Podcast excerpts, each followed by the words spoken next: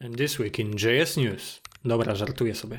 W tym tygodniu w JS News State of JS pojawił się kolejny raport na temat tego, w jaki sposób deweloperzy oceniają narzędzia JavaScriptowe.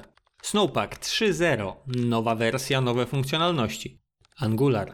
Zbliża się sporo zmian dedykowanych dla deweloperów. I na koniec Cloudflare oferuje od teraz darmową usługę hostowania statycznych stron na CDN-ie.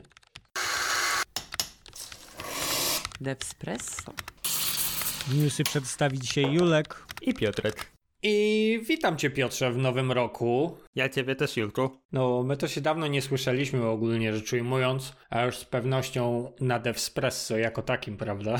Oj, tak, trochę czasu minęło. No okej, ale spotkaliśmy się tutaj w konkretnym celu. Powiedz mi, co nowego, co ciekawego w JavaScriptie się wydarzyło, o czym dzisiaj chciałbyś opowiedzieć? Dobra, to słuchaj, to w grudniu, z tego co pamiętam, mówiłeś o zakończonej ankiecie tej State of CSS 2020. Zgadza się. Szkoda, że mnie akurat przy tym nagraniu nie było, no ale cóż, zdarza się.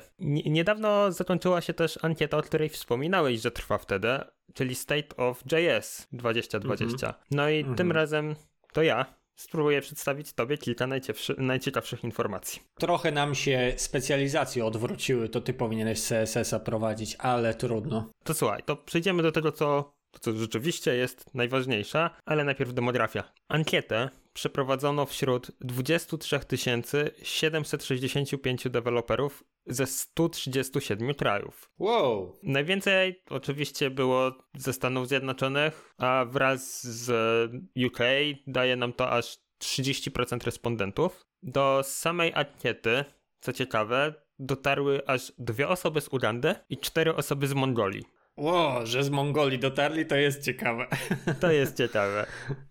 Jeżeli chodzi o nasze poletko, czyli, czyli Polskę, od nas było aż 517 osób, co stanowi jakieś 2,7% wszystkich uczestników. No, ale to, ale to ze cztery razy więcej niż przy State of CSS. Tam było lekko ponad 100 chyba. Z tego co pamiętam, to tyle było, więc tutaj jest dużo więcej. Jeżeli chodzi o to, jakich widełkach doświadczenia e, ludzie odpowiadali, no to najwięcej osób było pomiędzy 2 a 20 lat doświadczenia, czyli tak naprawdę tyle samo, co, co przy State of CSS. I co ciekawe, to samo tyczy się też w jakich firmach pracowały e, konkretne osoby, bo to też jest powyżej 100 osób. Mam dla ciebie ciekawą rzecz, która mi się rzuciła w oczy. Jak przeglądasz sobie ten raport, no to możesz też zobaczyć, jak, jakie feature'y języka są używane przez, przez nas, przez deweloperów. No i co ciekawe, bardzo dużo osób wie, że istnieje coś takiego jak private fields, czyli prywatne pola, Mhm. Mhm. ale praktycznie nikt z nich nie korzysta. Mhm. I to samo tyczy się WebAssembly. No więc Aha. tak, to jest o tyle ciekawe, że właśnie wszyscy o nich mówią, a tak jakby nie, nie korzysta z tych narzędzi, które już, już mamy i warto by było zobaczyć, do czego one służą. No ja na przykład y, nie miałem za specjalnie potrzeby posługiwać się private fieldsami przy ostatnim, przy ostatnich dwóch projektach w ogóle, bo i po co? Więc wiesz, No, bo po co? Dokładnie.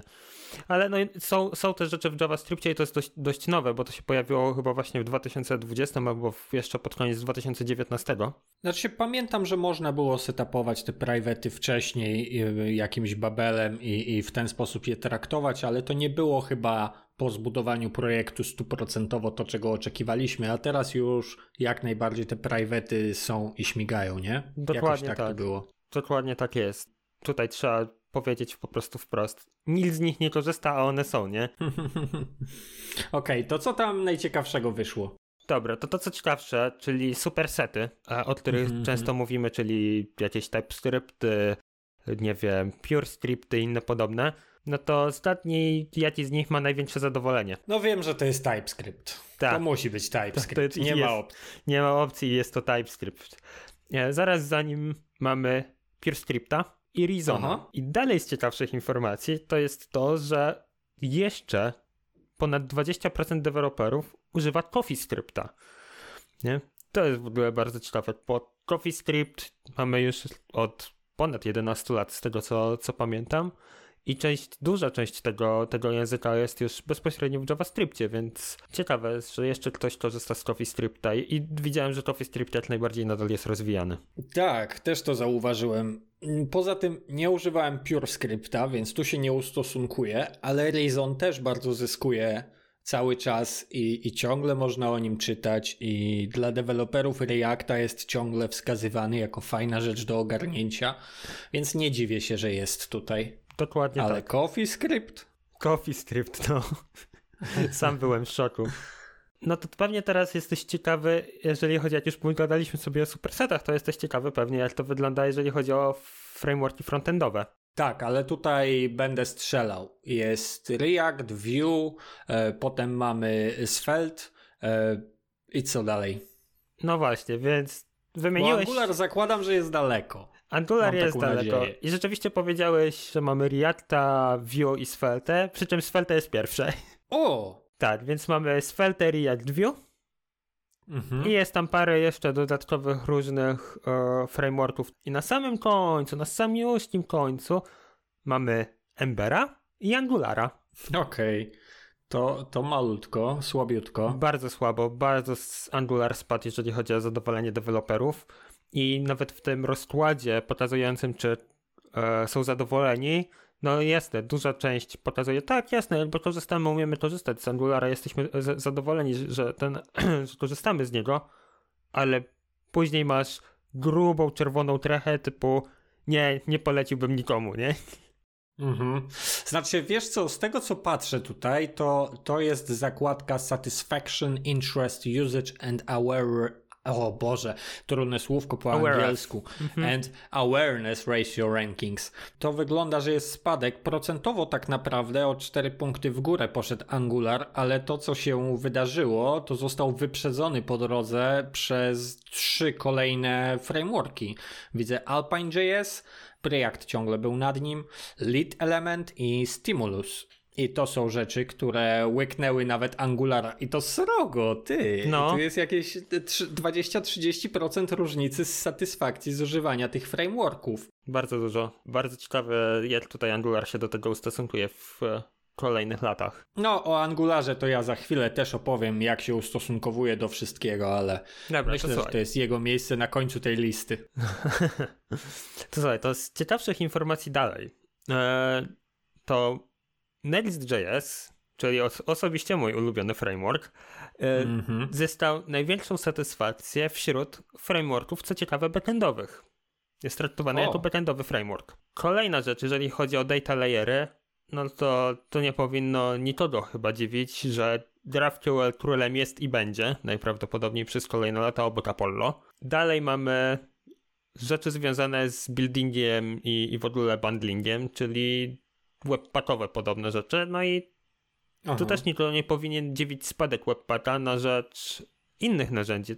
Tylko ciekawą rzeczą jest to, że jest to ES, ES Build i korzystający z ES Builda Snowpack. Te oba narzędzia są wyżej niż Webpack. No i jeszcze ciekawiej dalej jest pod względem może ciekawy. Nadal nie, też nie, niespecjalnie to mnie zdziwiło, że Electron i React Native są najwyżej wśród satysfakcji przy budowaniu aplikacji desktopowych i mobilnych. No Da. tak, to nie jest zaskakujące. To nie jest zaskakujące. No i Node.js nadal jest królem wśród silników do budowania aplikacji.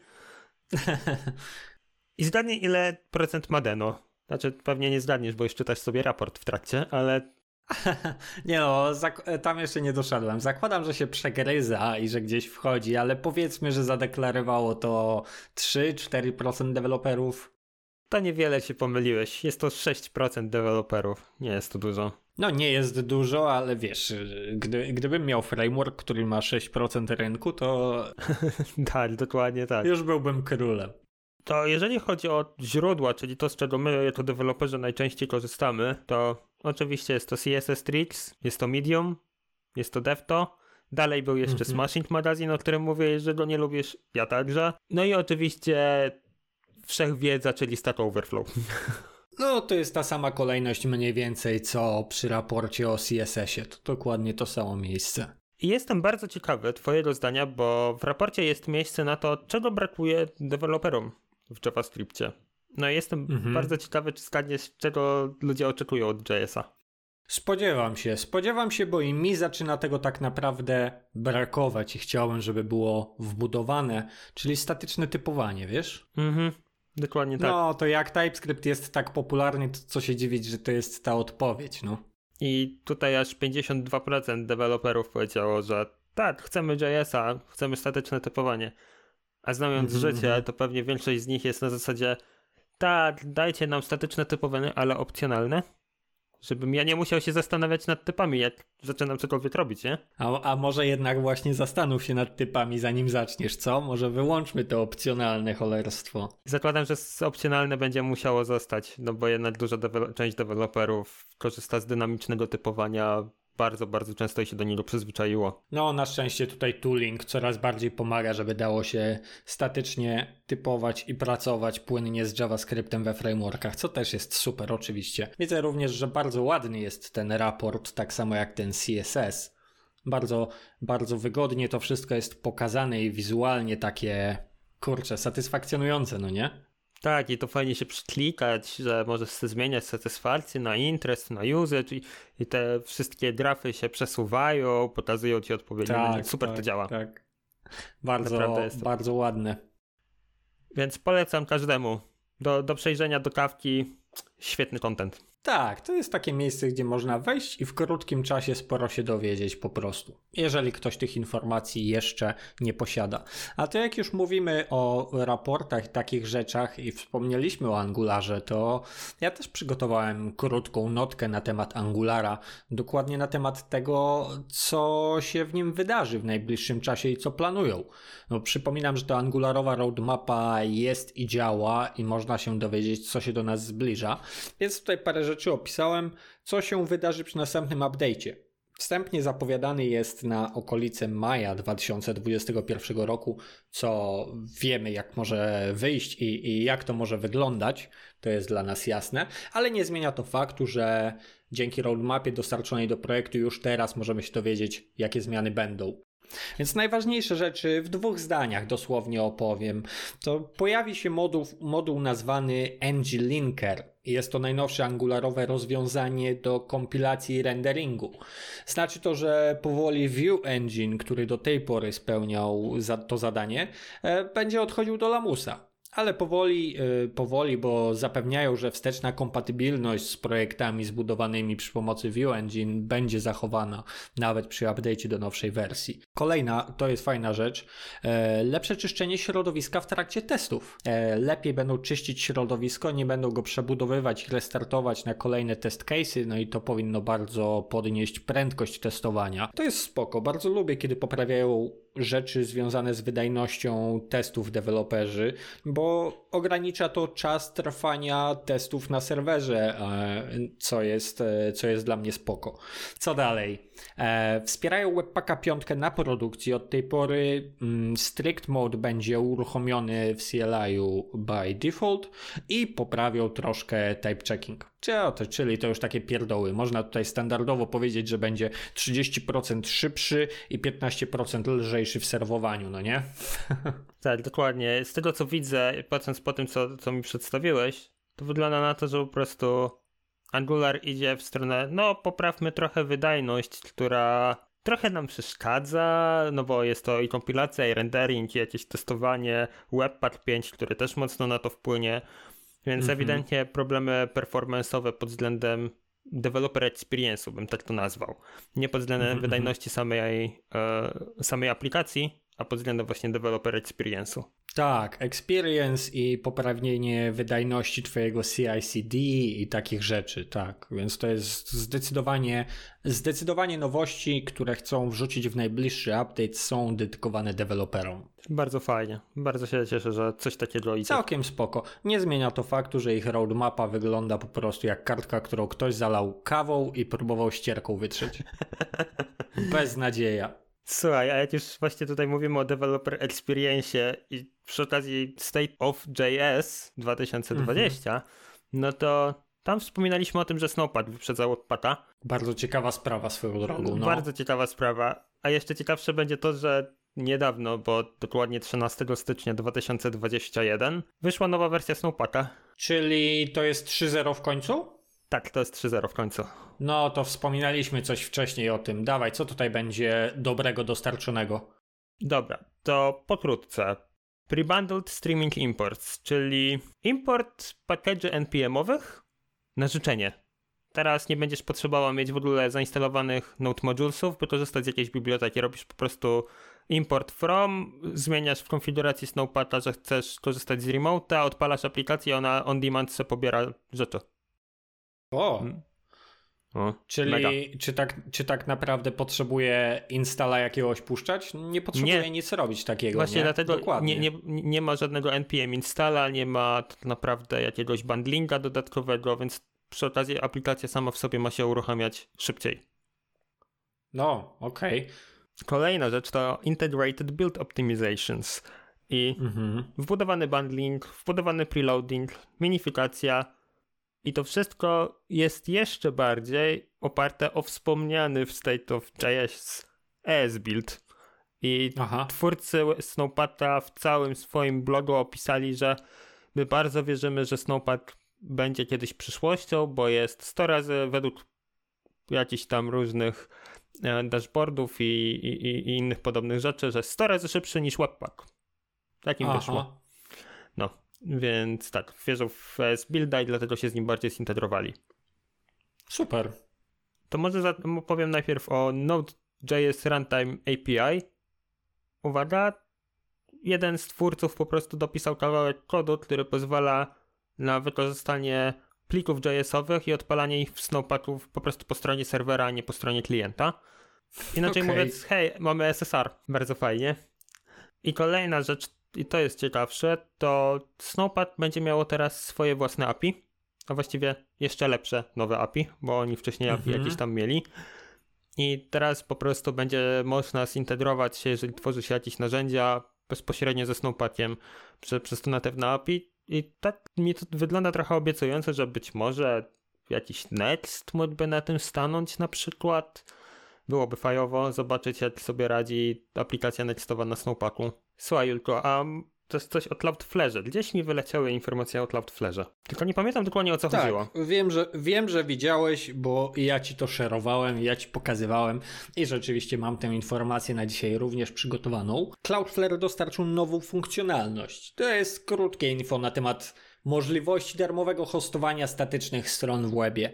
Jakby deweloperzy frontendowi wiedzą mniej więcej, gdzie można to robić. Cloudflare teraz dołączył do tej grupy, o której deweloperzy powinni wiedzieć, bo pozwalają na darmowe hostowanie statycznych stron na CDN-ie i trąbią, że cały Jamstack stawiamy u nich za darmo razem z buildem. O, oho, to, to się ciekawie zapowiada. Ciekawie. Dokładnie. Prócz darmowego hostowania, Cloudflare dał nam możliwość integracji z GitHubem. Wiesz, zainstaluj sobie extension na repo i robi się samo, Standard. prawda? Tak, to już jest standard.